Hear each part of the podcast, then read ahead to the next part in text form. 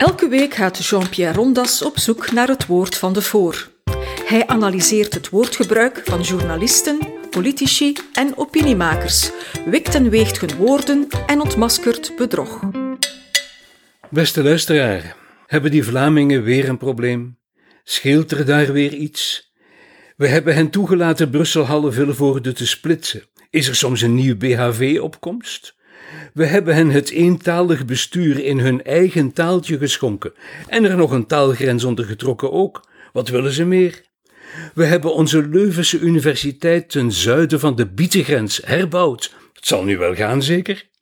Er is geen enkel concreet communautair struikelblok. Al wat we willen geven, hebben ze. En wat we ze niet willen geven, durven ze niet vragen.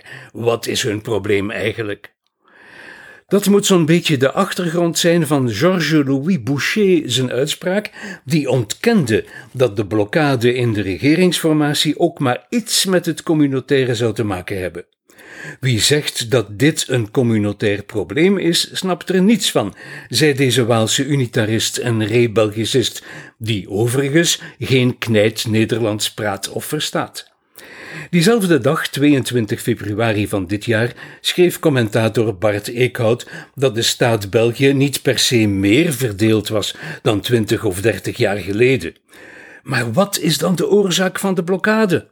Wel, antwoordt dan de concurrerende krant dan weer: het is de particratie geweest en de riante partijfinanciering.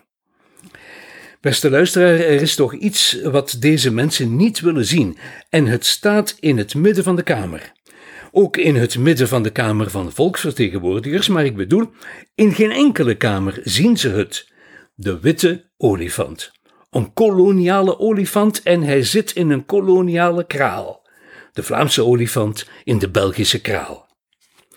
Is er eventjes een opening voor een zogenaamde tripartite, een regering bestaande uit Vlaamse en Franstalige christendemocraten, socialisten en liberalen?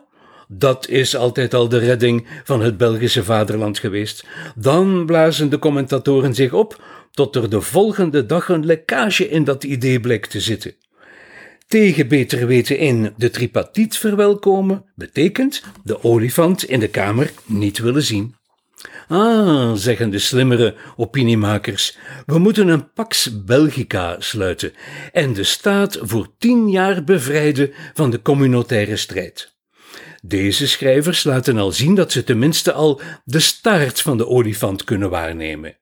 Ze erkennen het bestaan van enkele communautaire geschillen, maar ze zien nog niet het hele beest.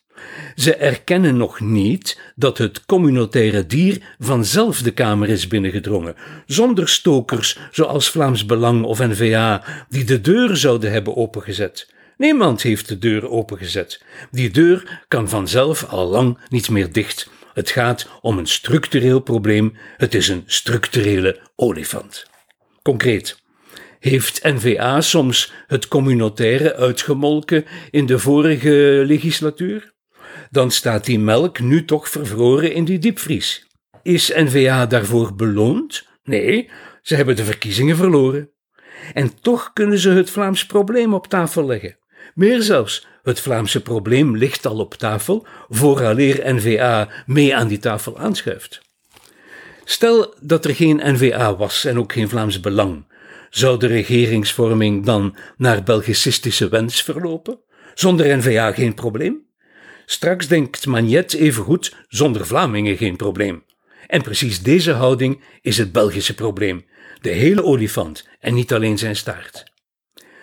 Voor het uiteindelijke afwijzen van het Vlaamse feit betaalt de hele staat, dus ook Wallonië en Wallobrux, de prijs. Namelijk de prijs van de verhakselde bevoegdheden, ook in de gezondheidszorg. In een studie van duizend bladzijden over de zesde staatshervorming noemt een van de auteurs de bevoegdheidsverdeling kartelig. Dat moet dan het academische understatement van het jaar 2014 zijn geweest.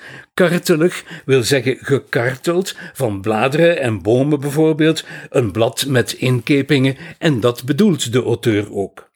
Maar kartelig heeft nog een tweede betekenis, namelijk geschift, van melk.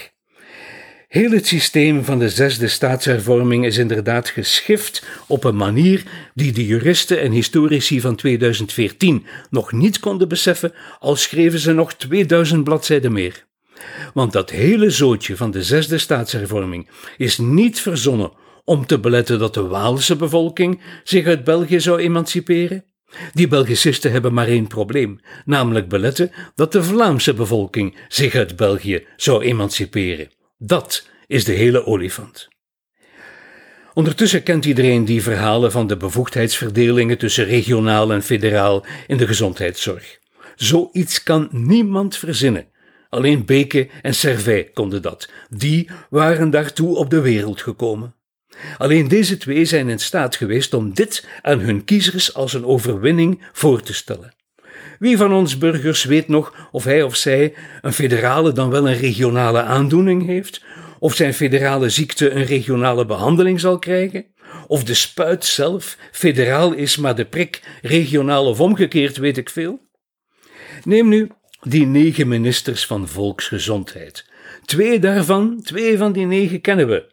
Magie federaal en Beke een Beke Vlaams. Dat kan je in Canada ook uitleggen. Waar zitten die zeven anderen? Simpel, ze zitten alle zeven in Wallobrux. En dat kan je nergens meer uitleggen. Dat is de failed state. En precies die negen ministers worden door de Belgicisten en door de Franstaligen aangegrepen om te pleiten voor een herunitarisering van de hele gezondheidszorg ineens. Van de pot gerukt, schijnheilig en blijkgevend van een koloniale mentaliteit tegenover dat brave Vlaanderen. Met diezelfde redenering zou Vlaanderen namelijk ook zeven zulke ministers kunnen organiseren. Maar Franstaligen zitten nu eenmaal graag aan tafel met zeven tegen één. Dat is dé manier om hen te beschermen tegen het ondemocratische Vlaamse overwicht. Het resultaat van de zesde staatshervorming is zo belabberd dat de makers ervan nu onbeschaamd toegeven dat het niet werkbaar is en dus de boel willen terugdraaien en weer unitair willen maken waarbij die hele rebel-idee toch een ernstige denkfout maakt. De vraag is namelijk naar welke plek men de Vlaams-Franstalige meningsverschillen verlegt. En de fout is te denken dat het beslissingsniveau op een hoger niveau verleggen de meningsverschillen zal wegwerken. Want wie komen ze daar op dat unitaire niveau tegen? Juist, de Vlaamse olifant.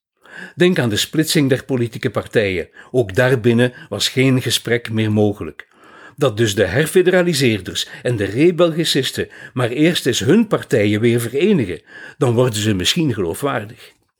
Beste luisteraar, de quarantaine voor corona-covid heet in het Frans confinement. En die quarantaine weer opheffen heet in het Frans déconfinement, déconfineren.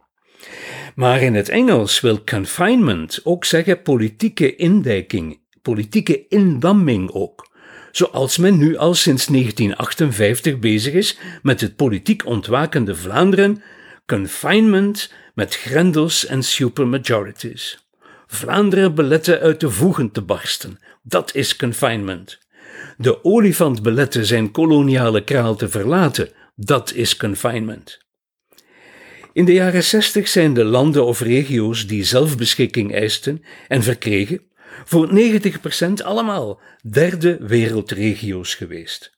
Kralen met olifanten die men ook niet heeft willen zien. Vandaag is Vlaanderen nog zo'n geconfineerd, koloniaal bestuurd land, met medewerking van koloniaal gezinde Belgicistische autochtonen zelf, uiteraard. Deze Vlaams-Belgische partijen gaan moeten kiezen tussen familie of olifant.